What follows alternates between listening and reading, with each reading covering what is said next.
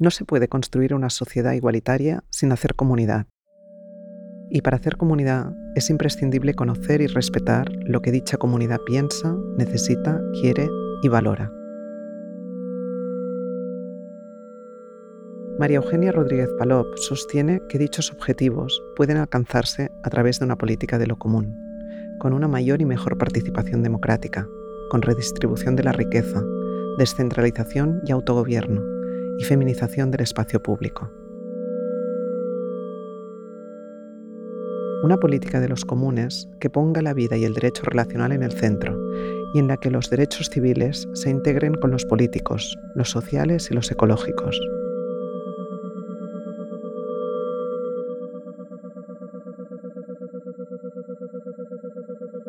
María Eugenia Rodríguez Palop es jurista, profesora, investigadora, ensayista y articulista. En este podcast, María Eugenia nos habla sobre el nuevo municipalismo, como estrategia y punto de partida para plantar cara a las políticas neoliberales y empezar a recuperar los bienes públicos y comunes.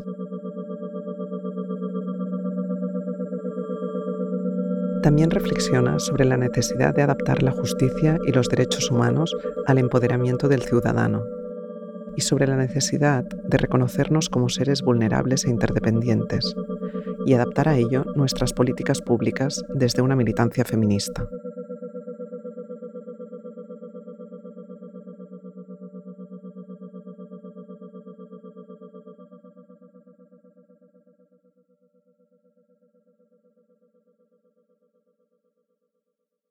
todo es político. Yo creo que hay una confusión eh, muy popular y muy extendida entre lo político y lo partidario, ¿no? Cuando dicen, bueno, es que los jueces no deben estar en política. No, los jueces tienen que estar en política, claro que sí. Los jueces tienen que implicarse en las prácticas relacionales de nuestro tiempo, implicarse en las transformaciones que son necesarias, claro. Y es más, tienen que pensar siempre en las partes vulnerables, en las partes que precisamente el derecho oculta. Por lo tanto, tienen que ser políticos, ¿no? Es un concepto de lo político más amplio. El museo me parece esencial que esté en la política. Es que el arte, bueno, tiene un contenido político enorme, ¿no? Y además eh, es bueno que sea así, como la universidad, que tiene que ser pues un agente de transformación social, ¿no? Un agente de cambio social. Incluso cuando renuncia a serlo, como es el caso ahora, y, se convierte en un centro de empleabilidad y, directamente, bueno, un centro para, que, que trabaja fundamentalmente al servicio del mercado, es también una opción política todo es político, no hay desplazamiento ni vaciamiento de la política. Cuando se dice que algo es apolítico, lo que se está queriendo decir básicamente es que em, se adhiere, por decir, al pensamiento hegemónico, es decir, que no contrasta, que no es subversivo, que no es transformador, pero eso no significa que no sea político. El neoliberalismo, que ocurre es que la racionalidad política queda colonizada por la racionalidad del business, ni siquiera de la economía, ni siquiera de la macroeconomía, sino que bueno, hay una, hay una colonización del espacio político o del espacio de lo que debería ser el espacio del bien común, está colonizado, digamos, por eh, esa racionalidad del business que consiste básicamente pues, eh, en una em, bueno, en partidos políticos, lo que llaman la democracia como business, ¿no? El partidos políticos que salen cada cuatro años a vendernos un producto, que no, en lugar de electores como electores nos tratan como clientes, eh, que bueno, son partidos que luchan por el centro, partidos atrapalo todos, partidos compromisos, desideologizados, burocratizados, eh, mm, distanciados de sus bases, donde lo importante es bueno que, la diferencia entre un partido y otro sea la diferencia entre Vodafone y Movistar, ¿no? O sea, bueno, al final eh, el mismo producto pero con una marca distinta, ¿no? Donde el líder tiene que ser suficientemente igual a otro como para pillar nuevos clientes, ¿no? Pero eh, suficientemente diferente como para fidelizar ¿no? al cliente, al militante de base. Este, esta composición de la política, que es eh, bueno, que ya se, puso en manifiesto ya desde los años 60 y que ha venido siendo criticada por movimientos sociales durante muchísimo tiempo, es una visión de la política claramente neoliberal. Claro, ahí está ya eh, el, ADN del neoliberalismo, que consiste básicamente en eso, ¿no? en colonizar la política, digamos, a base de dinámicas y racionalidades eh, mercantiles, ¿no? Pero eso es una opción política. O sea, eso es una opción política y es reversible. O sea, no es un devenir fatal.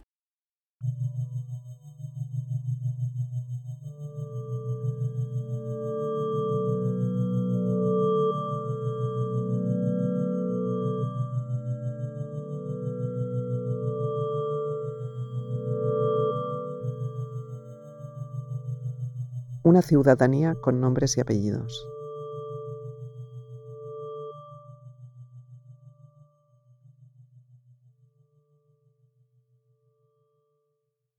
Cuando se fortalecen los procesos municipalistas, eh, ese nuevo municipalismo, lo que se hace precisamente es apelar a un ciudadano, es decir, a un ser humano más multidimensional, que además de consumir, sí, de ser un cliente, puede ser, es además un participante, es además un tipo que toma decisiones, es además una persona que está conectada, vinculada a un entorno, que tiene atributos, que tiene un contexto. Es decir, es eh, en lugar de, de optar por un individuo descarnado, lo que hace precisamente es articular eh, una ciudadanía mm, con nombres y apellidos, ¿no? muy contextualizada, muy personalizada, muy matizada, muy diversa.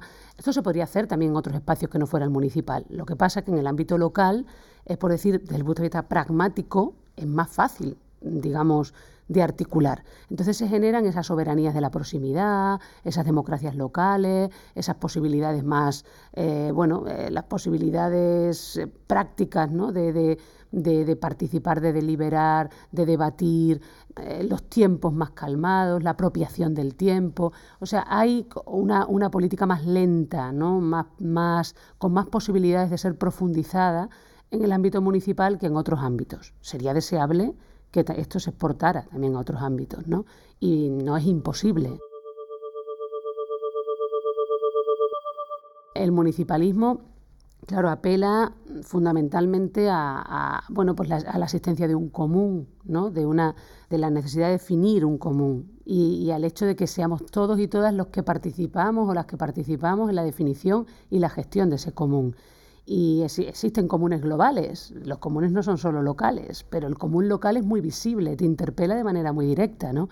Es decir, todos los procesos de desposesión que hemos sufrido con el capitalismo, digamos, enfurecido y absolutamente descontrolado, ¿no? De estos años, especialmente desde los años 80 en adelante, eh, claro, se han visibilizado de manera muy, muy cruenta generando muchas heridas y muchas víctimas, especialmente en el ámbito local. Cuando tú miras al vecino y lo reconoces con sus nombres y apellidos y ves que es desahuciado, cuando miras al otro vecino y ves que es desplazado porque es migrante, cuando te llevas bien con un tipo que pide en la calle porque lo ves todos los días ahí, es decir, hay un, hay un punto de proximidad que hace que esas heridas eh, de alguna forma duelan más y entonces sea más fácil apelar a, esa vivencia para, para, reivindicar una transformación, ¿no? para transformar desde ahí. ¿no? Por eso el municipalismo tiene, tiene recorrido. ¿no?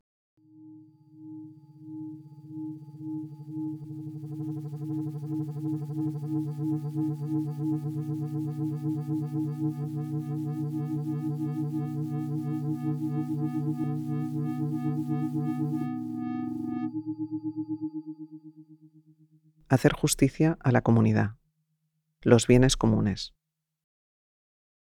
La justicia no es únicamente distribuir cosas, dividir y, garantizar el acceso a las cosas, sino que tiene que ver con el modo en el que esas cosas se distribuyen.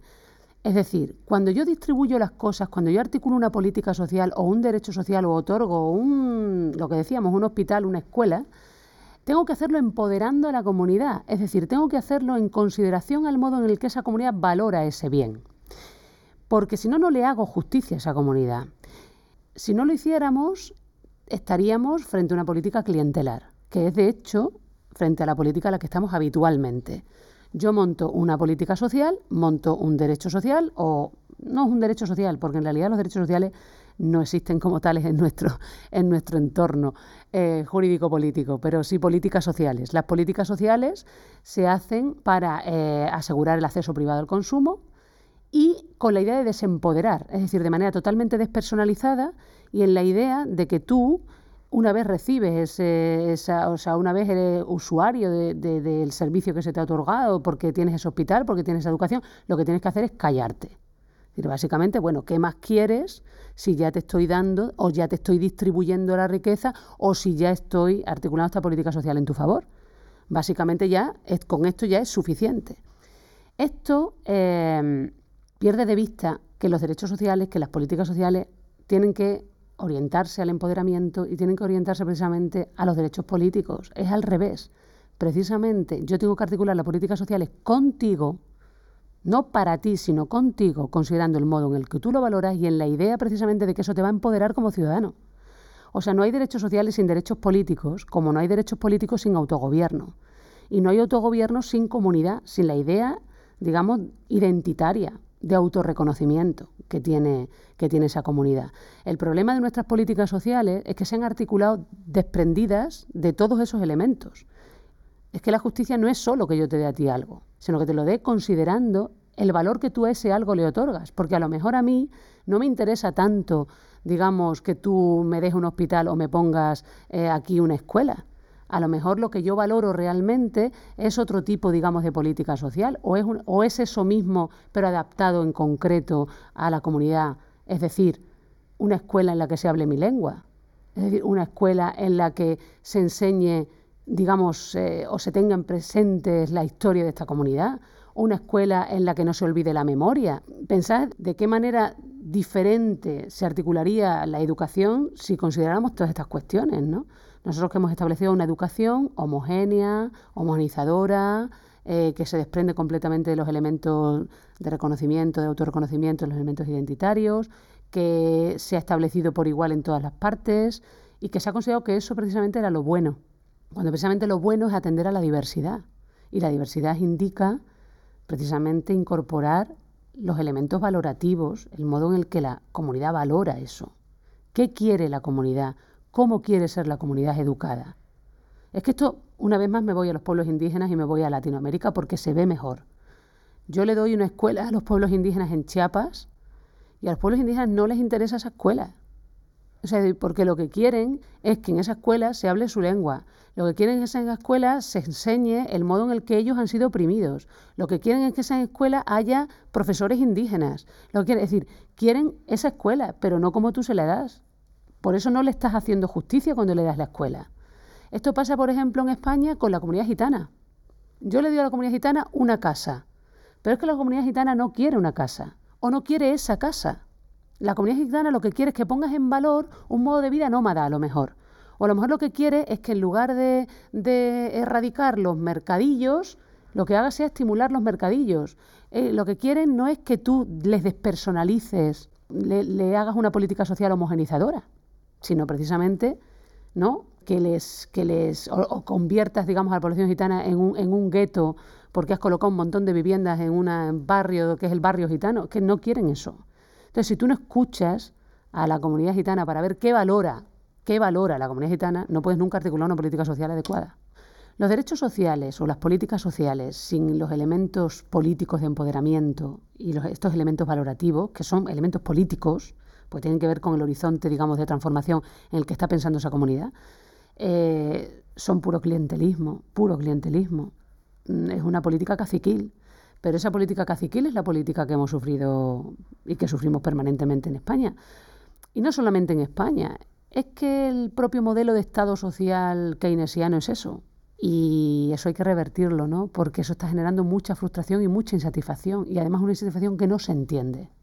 Porque cuando a la gente le das algo y esa gente dice que esto no es lo que yo quiero, se les estigmatiza diciendo, bueno, pues entonces, o sea, después de todo lo que te doy y después de, además de todo, te quejas, ¿no? Aquello de, ¿qué quieren los catalanes si ya son ricos? ¿Qué quieren los vascos si ya son ricos? Si ya, le, ya tienen el, el cupo, ¿qué quieren entonces? Bueno, es que, pues es que hay un elemento a lo mejor de empoderamiento político que tiene que ver con un proyecto político que tiene esa comunidad con lo que tú tienes que lidiar, pero que tú no lo puedes obviar. Tú no lo puedes sustituir con una política social, ni con un cupo.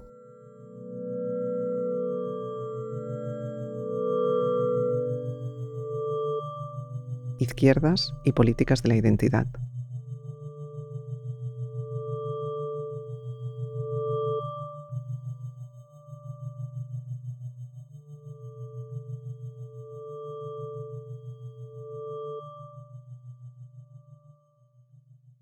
Yo pienso que la izquierda eh, se ha quedado encasillada por, en dos vías, en dos vías mm, que las dos conducen al fracaso.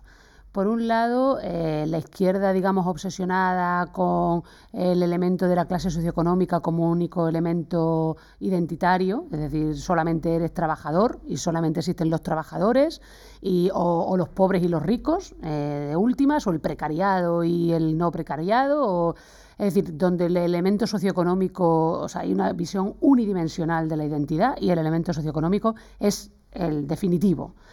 Eh, que yo creo que eso no va a ninguna parte porque yo creo que eso hace ya mucho tiempo, además, que, que, sea, mm, bueno, que eso se ha disuelto, o sea, que el mundo del trabajo ya no es lo que era, eh, ya no existe el capitalismo industrial, el mundo del trabajo ya no socializa. Eh, no sé, me parece que la, la, estructura económica ya es otra, incluso la estructura del empleo también es otra, pero además es que yo creo que se ha complejizado el mundo de la identidad, que de hecho creo que siempre ha sido compleja, pero me refiero que la gente ha sacado, digamos, a, la palestra otras identidades que le importan muy mucho, ¿no? Y esto ya, bueno, repito, lleva pasando mucho tiempo, ¿no? Y yo creo que hay una izquierda que llega, está ahí, pues venga y dale, ¿no? Y, va perdiendo, perdiendo, perdiendo, pero no pasa nada porque siguen ahí en la barricada un poco de lo, del elemento material como el único o el más o el más importante o el más determinante. Después la izquierda que ha querido em, reivindicar el reconocimiento ha hecho lo contrario, que es lo que ha hecho que los partidos socialdemócratas eh, que han venido gobernando, que en realidad mm, han intentado ocultar su, complicidad con el neoliberalismo y con los partidos de derecha, haciendo una apelación a identidades cool, a, a identidades, digamos, muy desmaterializadas. Eh, por tanto, apelando también a una visión muy unidimensional de la identidad, ¿no? que no digo que no existan, pero no son solamente eso. ¿no? Una mujer no es solo una mujer, ¿no? ni un gay es solo un gay, o sea, no somos solo una cosa. Yo creo que la izquierda se ha obsesionado con eh, apelar, digamos, a una visión de la identidad muy, muy unidimensional, tanto en un caso como en el otro.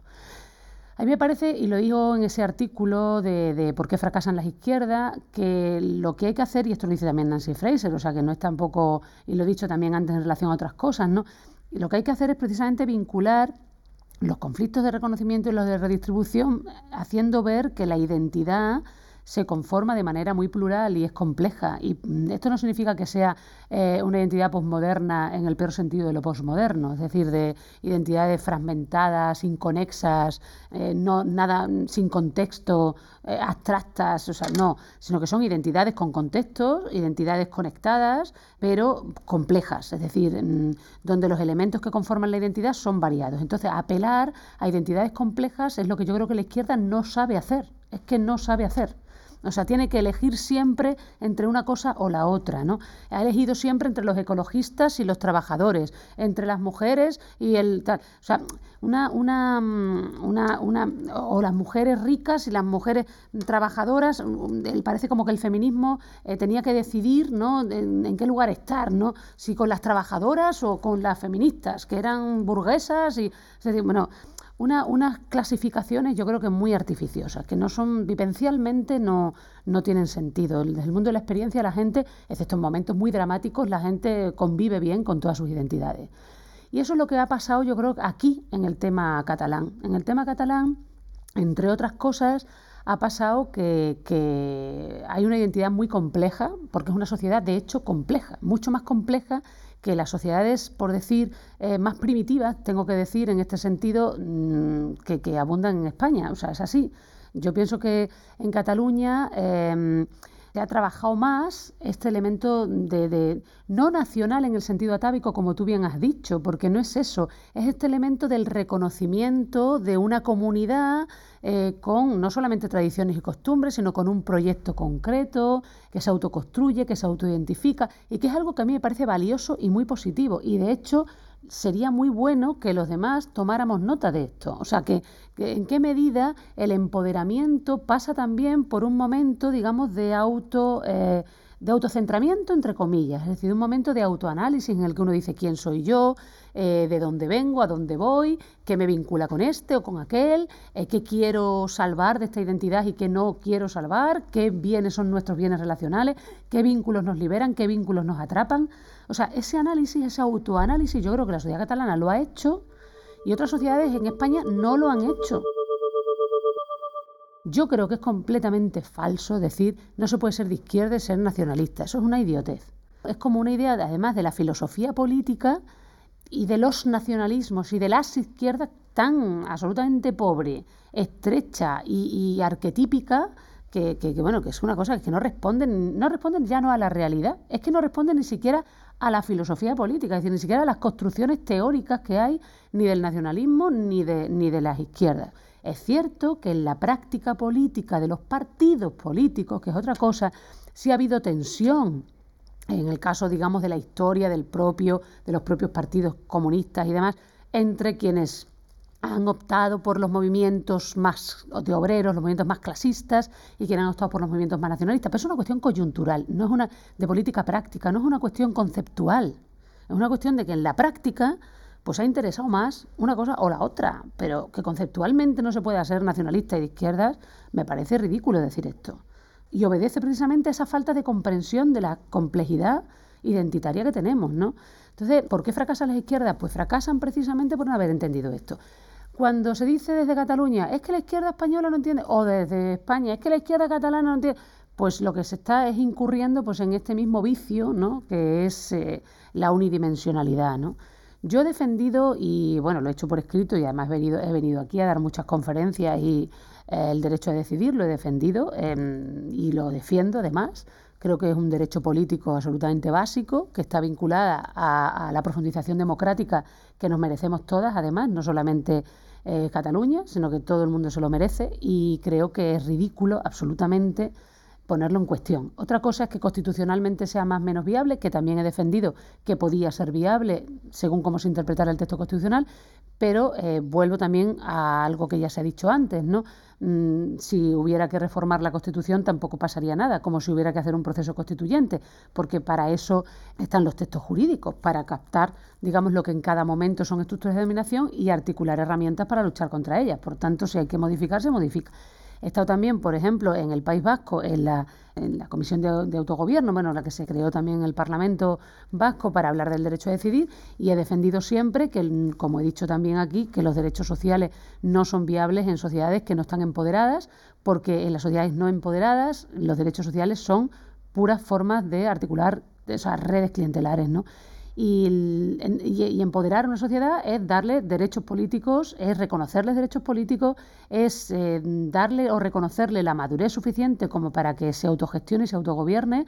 Y eso es eh, el, horizonte, digamos, ese es el horizonte al que hay que mm, dirigirse, ¿no? O sea, que esto a mí me parece muy claro. Entonces yo... Mm, eh, otra cosa es, bueno, ha sido, ya esto es otro, otro plano, ¿no? Bueno, la DUI ha sido un acierto, no ha sido un acierto, debería haber sido a, elecciones anticipadas, que era lo más estratégicamente interesante hacer. Bueno, esto es otro tema, porque eso es, en las condiciones dadas, ha sido excesivamente arriesgado. Bueno, este, este es otro, otro, otro debate, ¿no? Pero que la lucha del pueblo catalán por tener derecho a decidir o por autodefinirse o autoconstruirse políticamente es una lucha legítima, a mí no me cabe la menor duda la menor duda.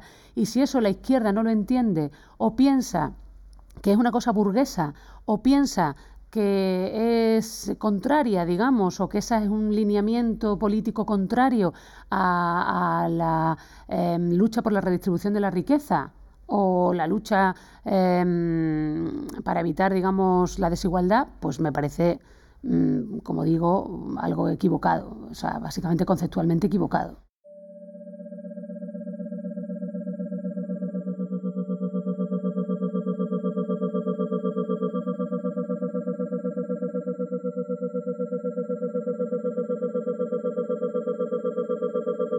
Hacia una visión relacional de los derechos humanos.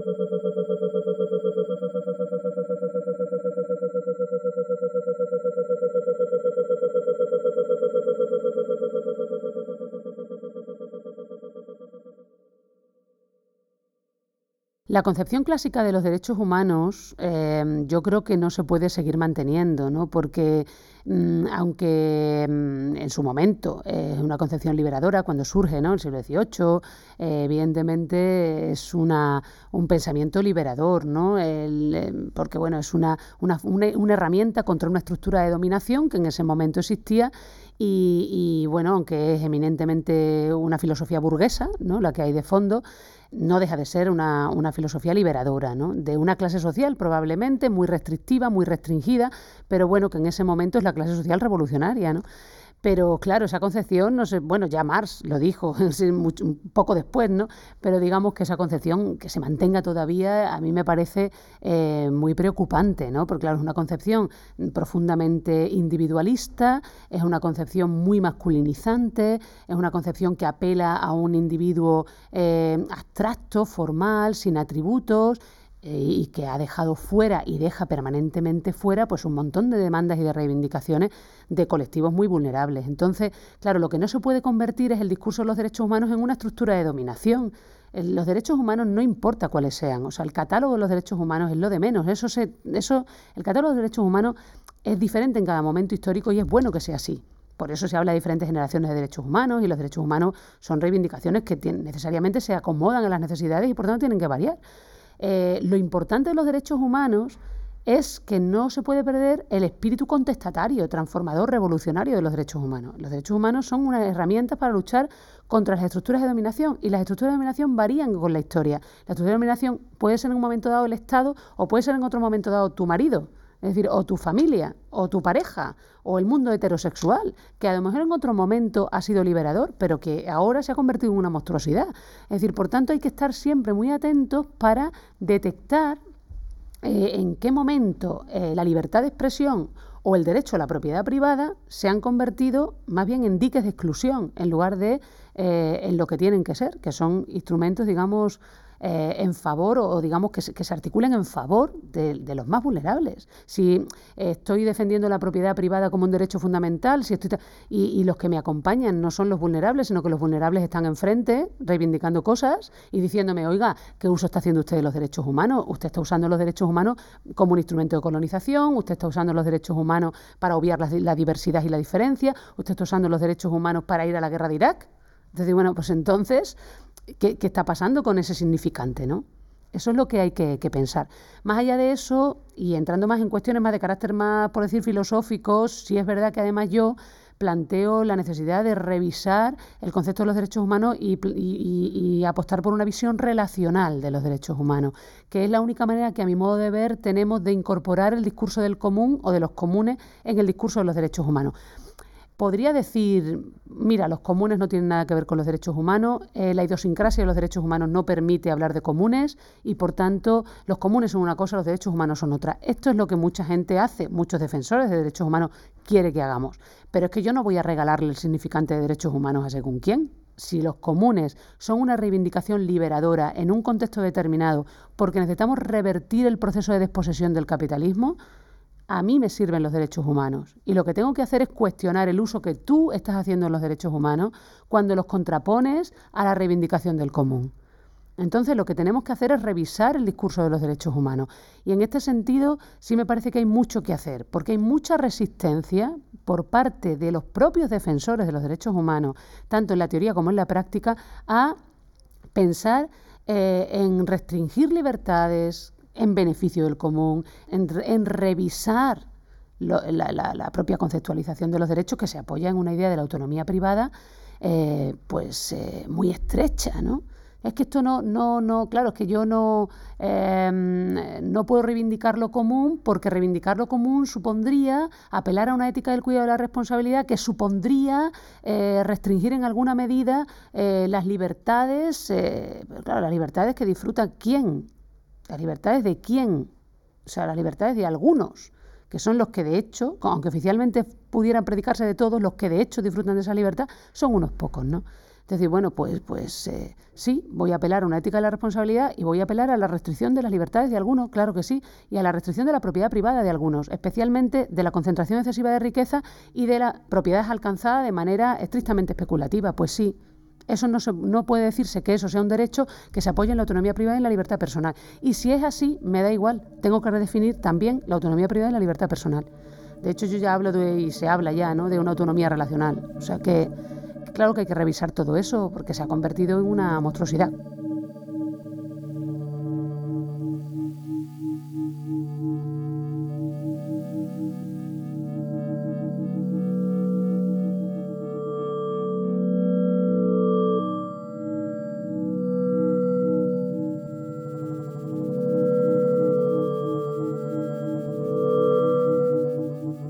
Activismo judicial.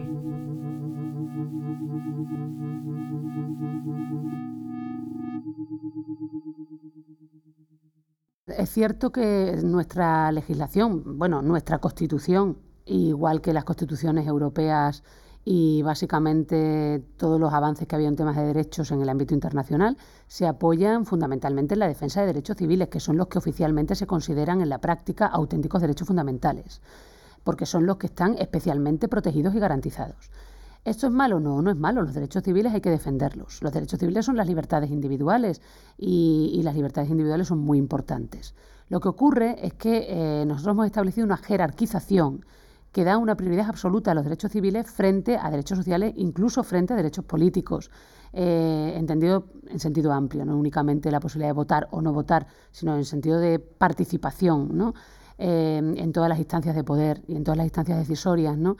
Y esa jerarquización no está justificada. O sea, o se apoya únicamente en la idea de que los intereses privados tienen una prioridad ontológica y axiológica, es decir, existen antes y valen más que los intereses colectivos o los bienes comunes, que son aquellos a los que se apela cuando se habla de derechos sociales y de derechos políticos. No hay, a mi modo de ver, eh, ninguna justificación más que ideológica eh, en el peor sentido, una vez más, de lo ideológico, para priorizar los intereses privados sobre los intereses colectivos o los bienes comunes. Tampoco la habría eh, para hacer lo contrario. Pienso que lo que hay que hacer es colocar en pie de igualdad todos los derechos y todos los intereses y ponderar después caso a caso qué derecho o qué interés eh, se debe priorizar. esto no es lo que hacemos. Nosotros lo que hacemos es que legalmente, constitucionalmente, jurídicamente, hemos antepuesto los derechos civiles a estos otros. Por eso a un juez ya se le dice de antemano que en caso de colisión ha de priorizarse siempre el derecho individual, el derecho civil o el interés privado. Eso significa que en la práctica las posibilidades que hay de defender comunes son muy escasas, porque cada vez que tú defiendas comunes y eso interaccione negativamente o limite eh, un derecho civil, una propiedad privada, una libertad, bueno, pues directamente te dirán, no señor, en esta colisión hay ya una toma de posición. ¿no?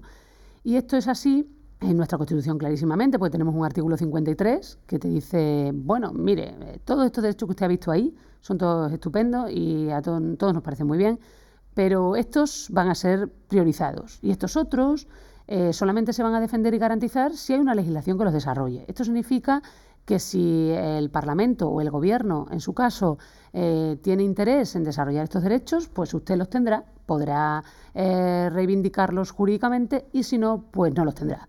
Y nosotros no podemos hacer nada si el Gobierno o el Parlamento decide no desarrollar esos derechos, como ocurre, por ejemplo, con el derecho al medio ambiente. Hay otros lugares, como Ecuador, por ejemplo, u otras constituciones, las llamadas constituciones de tercera generación, donde se plantean recursos de inconstitucionalidad por omisión. Esto es, yo puedo decirle al Gobierno del Parlamento, oiga, estas cláusulas constitucionales no deben ser cláusulas dormidas, no deben ser cláusulas, eh, digamos, muertas. Usted tiene la obligación de desarrollar esto, porque si usted no lo desarrolla, por indicación del 53, yo no podré reivindicarlo. Pero eh, nosotros en España no tenemos esa, posibilidad. Entonces, claro, eh, en la Constitución Republicana del 31, todos los derechos estaban en el mismo plano no había una jerarquización de derechos. ¿Cuál es el terror que a un jurista se le representa cuando yo digo esto? Bueno, pues que quién tendría que ponderar en cada caso el juez. Por tanto, ¿qué ocurriría en esta en la práctica, no? Si esto fuera así, pues que habría más activismo judicial, que los jueces tendrían más poder, porque tú no le estás dando una indicación previa, sino que tú al juez le dices, cuando usted se encuentre con este conflicto en la vida cotidiana, tome una decisión. Esto es bueno y es malo. Es malo eh, si los jueces son seleccionados como son seleccionados ahora. Sería bueno si nosotros hiciéramos una selección de jueces que no fuera partidaria, que estuviera más conectada con la vivencia de la comunidad, que fueran más representativos de la comunidad, que se compenetraran más y mejor con la comunidad, que no fueran extraterrestres, que se han estudiado 432 temas de memoria, los han largado delante de un tribunal y después se han colocado a dictar sentencias en no sé qué juzgado. Claro, si eh, los jueces son eso, bocas mudas que pronuncian la ley y por tanto puros técnicos, esto que estoy diciendo, claro, en la práctica puede generar algunos riesgos. Pero si yo eh, planteo una modificación del modo de acceso a la judicatura de manera que eh, los jueces no sean únicamente, por decir, papagayos, ¿eh? pues bueno, las cosas no tendría por qué tener un mal resultado.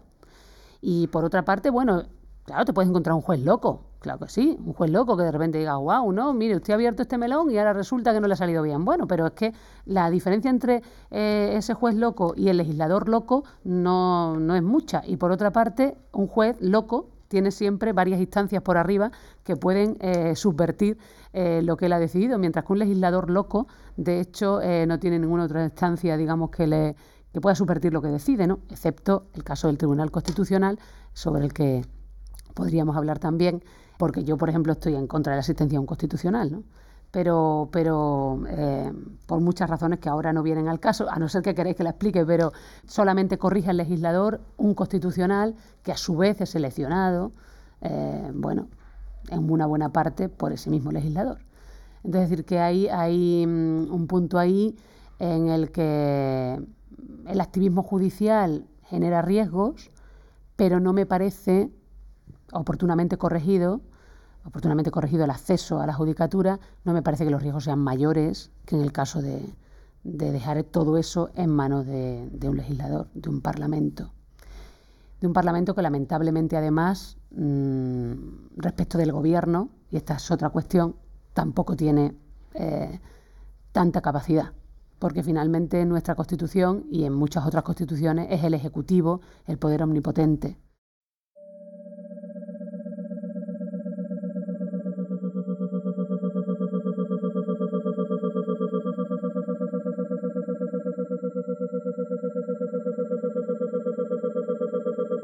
Un derecho que excluye.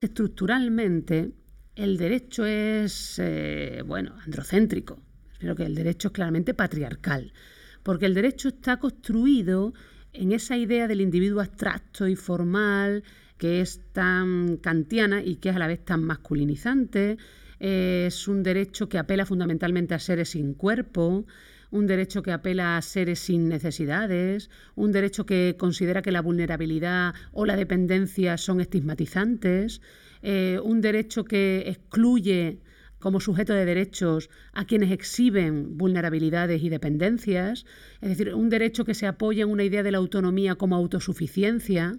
La idea de la autonomía privada ha hecho mucho daño, ¿no? porque esa idea de la autonomía privada en la que se apoya el ordenamiento jurídico es una idea que apela a un sujeto libre, eh, entendiendo por libre un tipo que tiene muy claro cuáles son sus intereses y sus voluntades, tiene muy claro su proyecto de vida, es como se dice en el mundo kantiano, es su propia autoridad epistémica, esto es, él conoce perfectamente todo acerca de sí mismo, se autoconstruye, no tiene atributos, no tiene sexo, ni cuerpo, ni raza, nada, eh, no tiene condición social ni condición socioeconómica, no está vinculado a ningún otro ser, no vive en ningún contexto.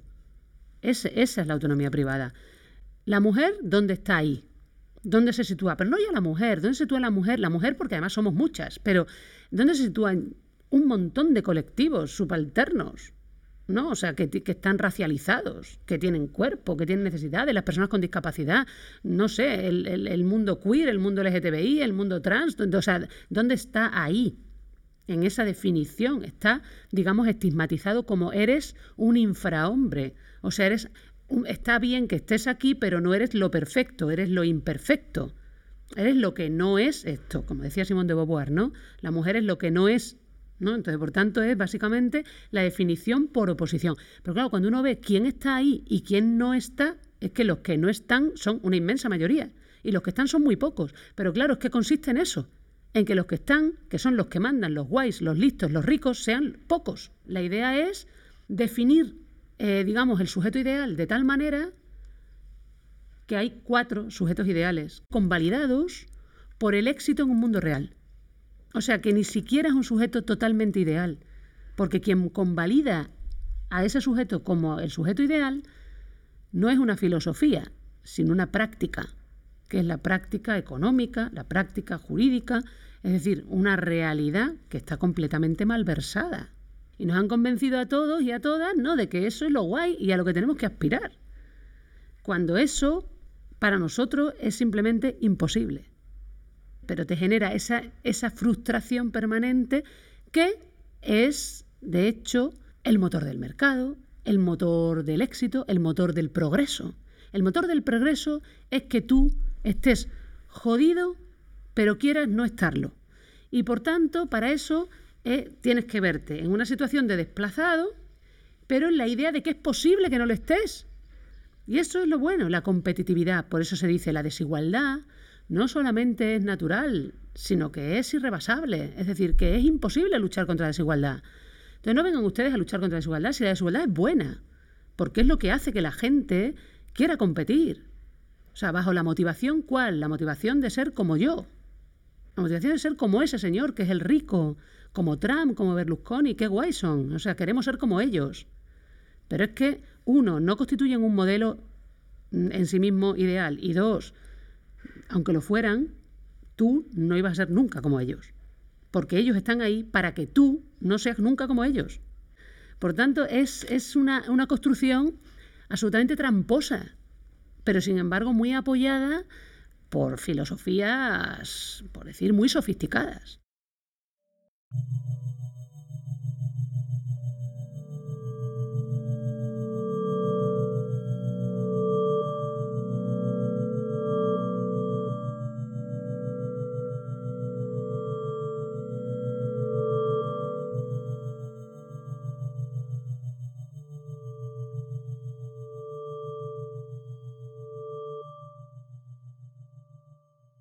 Hacia una feminización de la política y el espacio público. Yo creo que los cuidados no deben ser concebidos como una carga, aunque de hecho lo sean. Son una carga por razones eh, circunstanciales, coyunturales. Bueno, para empezar, todos somos cuidadores, deberemos ser cuidadores y debemos ser cuidadores y, todos, mm, digamos, necesitamos de los cuidados en todos los momentos de nuestra vida, más en unos que en otros. Por tanto, yo creo que liberarse de los cuidados no es posible, esto de entrada. Por otra parte, no creo que el objetivo sea liberarse de los cuidados. El objetivo debe ser, digamos, asumir que los cuidados forman parte de la vida y mm, visualizarnos a nosotras mismas y a nosotros mismos como seres dependientes y seres eh, vulnerables. O sea, plantear la, dependencia eh, como algo que no está estigmatizado o que no debe ser estigmatizado negativamente. Eh, por eso que digo que cuando se habla de, los cuidados como carga, lo que está es estigmatizando al dependiente, ¿no? Yo creo que eso se debe revertir. Se debe revertir porque no existe una persona que no necesite cuidados más que en esas ideas que hablábamos antes, ¿no? De Superman, de los freeriders o de los super estupendos que de repente son autónomos y, no necesitan de nada ni de nadie, ¿no? Y se ven a sí mismos incluso como seres ya trascendidos, no trascendentales, sino trascendidos, ¿no? Que es diferente. En relación a la feminización precisamente de la política, eh, lo que se plantea es esto como base. O sea, realmente las mujeres, por una cuestión circunstancial, eh, y no por razones biológicas ni esencialistas, eh, sino por una cuestión circunstancial, pues se han ocupado del cuidado, que esto es una evidencia, es un hecho, que se han ocupado del cuidado, han estado, digamos, eh, en cierto modo, inferiorizadas e invisibilizadas en el mundo de lo privado, donde eh, la experiencia del poder no tiene nada que ver con la experiencia del poder en el mundo de lo público, donde las habilidades y las virtudes que se desarrollan las cosas que se valoran no tienen nada que ver con las habilidades que se eh, valoran en el ámbito de lo público. ¿no? En el ámbito de lo público lo que funciona es el homo economicus, aquel de vicios privados, virtudes públicas. ¿no?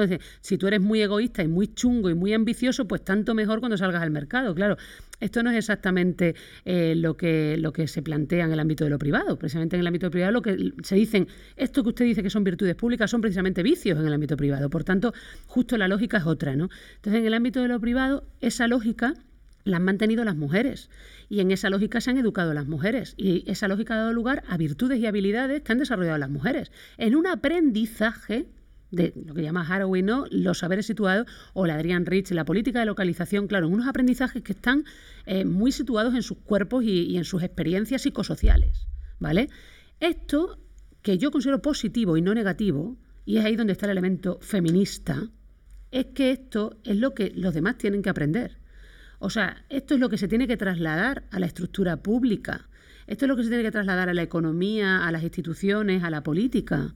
Por eso la democracia paritaria no es solo una cuestión de cuotas, que también, una cuestión de presencia de las mujeres, sino que es una cuestión, mm, digamos, de carácter no cuantitativo, sino cualitativo. Se trata además de qué mujeres, cómo, de qué manera, o qué hombres, cómo, de qué manera. Me refiero, es también una manera de articular. Y eso es lo que supone hablar de ética del cuidado en el ámbito de lo público. Entonces, básicamente, me parece que resulta muy liberador en términos sociales y personales pensar en la feminización de la política desde esta perspectiva, que básicamente es trasladar un aprendizaje a ese espacio. Pues lo que hay que hacer es tener la experiencia del cuidado. No es que hay que liberarse de los cuidados, al revés, hay que repartir los cuidados para que esos hombres, varones, en su mayoría, que no han desarrollado esas habilidades y esas virtudes porque no han tenido la experiencia del cuidado, la tengan. ¿Y entonces cómo? Porque no se aprende en las escuelas. La escuela, claro, se puede persuadir, ¿eh? se puede animar, se puede motivar, pero hay que vivirlo. Entonces, eh, ¿los permisos de paternidad, maternidad, no intransferibles, iguales, pagados al 100%? Pues claro que sí. Claro que sí, no solamente porque es bueno para un niño o para la persona dependiente o para la persona con discapacidad de que se trate, que tiene derecho además a eso, sino que es que es bueno para el cuidador, es que es educativo. Cuando un tipo se pase 24 horas sobre 24 horas con un niño llorando non-stop y no lo tire por la ventana, entenderá y se verá a sí mismo de una manera muy diferente a cuando sale a la calle a pelearse con su compañero o a competir o se va a la guerra a matar gente. Es decir, es una buena mili. De hecho, es la mejor milicia. Te vas a tu casa a cuidar, cambias eh, pañales, limpias culos, eh, soportas a los dependientes gritando, llorando. Sí, soporta, soporta porque habrá un momento en el que resulte duro. Pero ese aprendizaje es un aprendizaje de vida del que sales completamente transformado.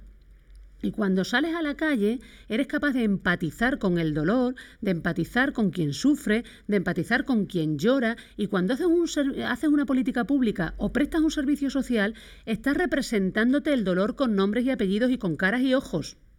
Pero si tú nunca has visto el dolor corporizado, nunca has visto el dolor en un cuerpo, eso te lleva a pensar eh, o te lleva a minimizar el dolor, porque el dolor siempre tiene cuerpo. Por tanto, Educar a las personas en la vivencia del dolor, en la gestión del dolor, es, o del dolor, lo digo por decirlo de manera dramática, pero bueno, el dolor, la dependencia, la demanda, la, la necesidad no cubierta, como lo veamos, ¿no? Ese sufrimiento, la frustración, es muy educativo, es profundamente educativo profundamente educativo. Entonces las mujeres tienen que aprender a dejar ese espacio porque además esa sobrerepresentación en el ámbito de lo privado, ese eh, exceso de, responsabilidad o de ética de la responsabilidad, aparte de que es una sobrecarga brutal en términos psicológicos para ellas, eh, es que además les resta energía, tiempo y capacidad para tener la representación que les corresponde en el ámbito público.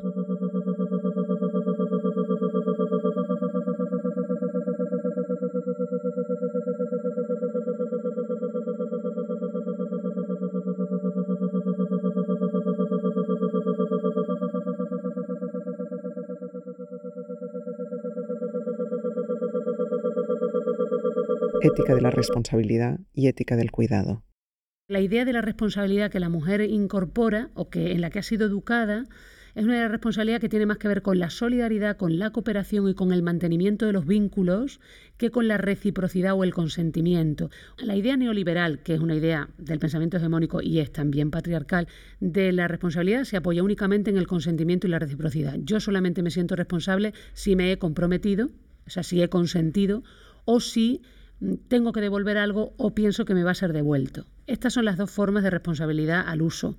Sin embargo, la mujer incorpora una tercera forma de responsabilidad que es precisamente el mantenimiento de los bienes relacionales, precisamente el mantenimiento de los lazos y los vínculos, que es lo que llamamos ética del cuidado. Por eso la ética de la responsabilidad y la ética del cuidado se complementan pero no son la misma cosa. La ética del cuidado es algo más que la ética de la responsabilidad, porque supone, como decía, asumir una responsabilidad que tiene que ver con el valor que en sí mismo tienen los vínculos y los lazos afectivos. Es decir, es eh, menos racionalizada en el sentido clásico de lo racional, porque es tan racional como lo otro. ¿eh? Cuidado, yo no creo además tampoco en la división entre las emociones y las razones.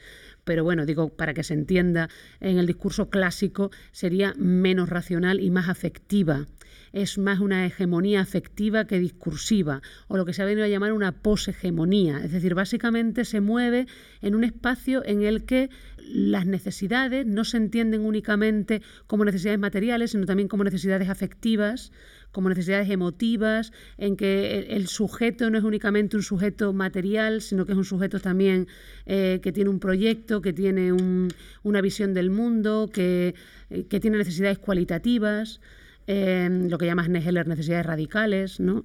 Y, que hay que atender también a eso, ¿no? Y que por tanto el vínculo, el afecto, es también importante para cubrir necesidades básicas. Y, eso es lo que cubre la ética del cuidado y no cubre una ética de la responsabilidad al uso. Pues en política se plasma, como antes lo hemos dicho, precisamente eh, incorporando al proyecto político las prácticas y los bienes relacionales.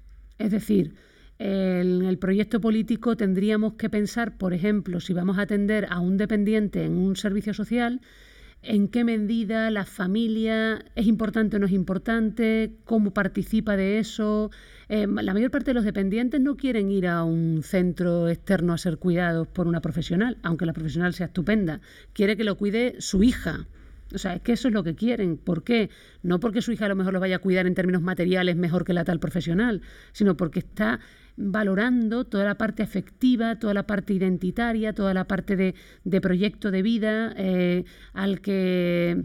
Eh, digamos que, tiene que cuidar incluso si hablamos de dependientes mayores, por ejemplo, al final de su vida, ¿no? Es decir, es una frustración grande para un mayor en muchos casos ser, bueno, eh, trasladado a un centro porque no formaba parte de su proyecto de vida el hecho de que sus hijos o sus hijas lo llevaran allí.